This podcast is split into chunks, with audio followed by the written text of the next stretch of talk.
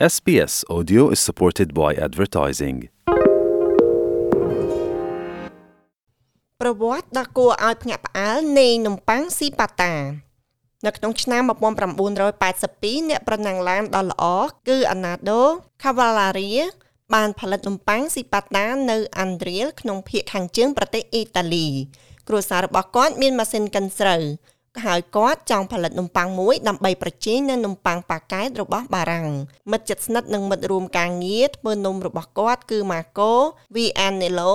ចាំគាត់ច្បាស់ថាជាអ្នកដុតនំប៉័ងដែលខុសពីអ្នកដទៃខែកក្កដាឆ្នាំ1982នៅអាន់ដ្រៀលជាទីក្រុងមួយនៃភូមិខាងជើងប្រទេសអ៊ីតាលីអ្នកប្រណាំងឡានដ៏ល្បីលោកអាណាដូខាវ៉ាល់ឡារីគឺមានជំងឺដោយសារតែជនជាតិបារាំងគាត់គិតថាវានៅគ្រប់ទីកន្លែង វាកំពុងកាន់កាប់គ្រប់ទីកន្លែងហើយគាត់ចង់បង្កើតជំរើសថ្មីជំនួសវិញ The idea started from គំនិតនេះបានចាប់ផ្ដើមពីការធ្វើនំប៉័ងដែលប្រសើរជាងមុន បន្ទាប់មកជានំប៉័ងប៉ាកែតរបស់បារាំងនំប៉័ងស៊ីប៉ាតាគឺប្រកាសណាស់ថាត្រូវបានគេស្គាល់នៅក្នុងប្រទេសជាង50នៅលើពិភពលោក Marco Vianello គឺជាមិត្តល្អបំផុតរបស់ Anado ប៉ុន្តែ Anado ក៏មានបំណងលាក់កំបាំងដែរ ឪពុកម្ដាយរបស់គាត់បានធ្វើម្សៅហើយគាត់គិតថានំប៉័ងថ្មីអាចល្អសម្រាប់អាជីវកម្មរបស់ពួកគេ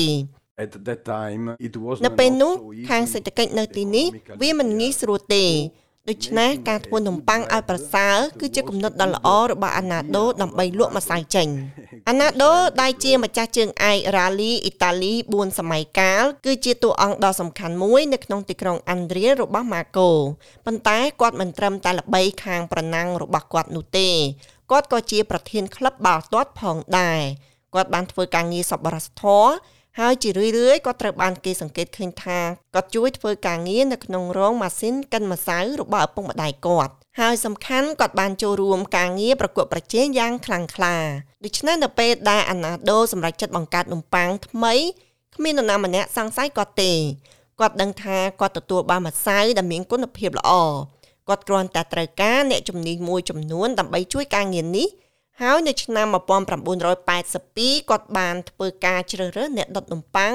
Francesco Ferraroni និង Anado Crismonesi ដើម្បីជួយការងារគាត់ពួកគេបានចំណាយពេលវេលាជាច្រើនសប្តាហ៍នៅរោងម៉ាស៊ីនកិនស្រូវរបស់គ្រួសារ Anado ដោយសាកល្បងការលាយម្សៅថ្មីនិងពេលវេលាសាកល្បងចម្រាញ់និងកែសម្រួលរូបមន្តដែលមានស្រាប់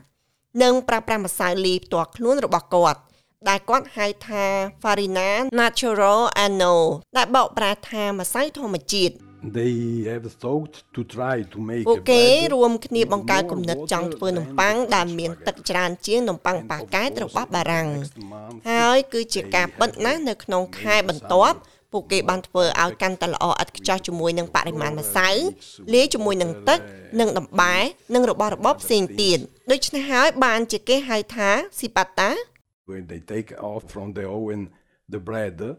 it was uh, នំ not ប៉័ង so មិន high មានកម្ពស់ and ខ្ពស់ទេ it ហើយវា was គឺដូចជា like, ស្បែកជើងពាក់នៅ a ផ្ទះ house shoe តែយើងនៅទីនេះហៅថាស៊ីប៉ាតាបុរសម្នាក់ក្នុងចំណោមបុរសទាំងនោះបាននិយាយថាវាដូចជាស៊ីប៉ាតាហើយអាណាដូនិយាយថាមិនអីទេដូច្នេះយើងហៅវាថានំប៉័ងស៊ីប៉ាតា we can សម្រាប់អ្នកដែលមិនស៊ាំនឹងនំប៉័ងស៊ីប៉ាតានំប៉័ងពណ៌សមានរាងរអិលដូចម៉ាកូបានបញ្យល់ថាមានផ្កានិងសម្បកខាងក្រៅ ហើយទុន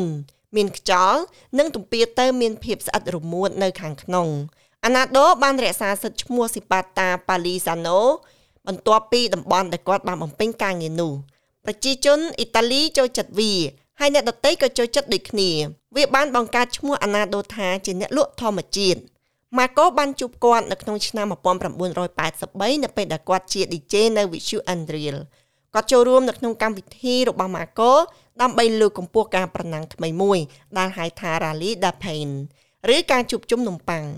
that uh, competition was uh, ការប្រកួតប្រជែងនោះគឺជាផ្នែកមួយដ៏អស្ចារ្យនៃប្រវត្តិសាស្ត្រនៃទីក្រុងរបស់យើងខ្ញុំចាំបានថាខ្ញុំបានធ្វើបទសម្ភាសន៍ជាមួយគាត់ ប៉ុន្តែគឺជាការពិតណាស់នៅពេលនោះគាត់គឺជាបុរសដែលមមាញឹកខ្លាំងគាត់តែងតែធ្វើដំណើរជុំវិញពិភពលោកនិងជុំវិញប្រទេសអ៊ីតាលីមកដល់ពេលនេះអាណាដូស្ថិតនៅក្នុងវ័យ50ឆ្នាំហើយគាត់បានចូលនិវត្តន៍ពីការប្រណាំងប៉ុន្តែគាត់ពិតជាមិនទាន់ត្រៀមខ្លួនរួចរាល់ឲ្យជីវិតមានភាពងាយស្រួលនៅឡើយទេគាត់បានធ្វើដំណើរជុំវិញពិភពលោកដោយផ្សព្វផ្សាយអំពីនំប៉័ងស៊ីប៉ាតារបស់គាត់ ហើយភ្លាមភ្លាមនោះវាបានចេញលក់នៅលើកន្លែងលក់នំប៉័ងនៅប្រទេសអង់គ្លេសក្នុងឆ្នាំ1985និងនៅសហរដ្ឋអាមេរិកនៅចុងទសវត្សរ៍ទី80នៅឆ្នាំ1999ក្រុមហ៊ុនរបស់ Anado គឺ Molini Andriel AZ ដែលមានន័យថារងម៉ាស៊ីនកិនស្រូវរបស់ Andriel ទទួលបានអាជ្ញាប័ណ្ណដុតនំប៉័ងនៅក្នុងប្រទេសចំនួន11ដែលផលិតនំប៉័ងអត្ថបទនេះរៀបចំដោយ Rachel Nalor នៃ BBC និងប្រាយសម្រួលដោយនាងខ្ញុំ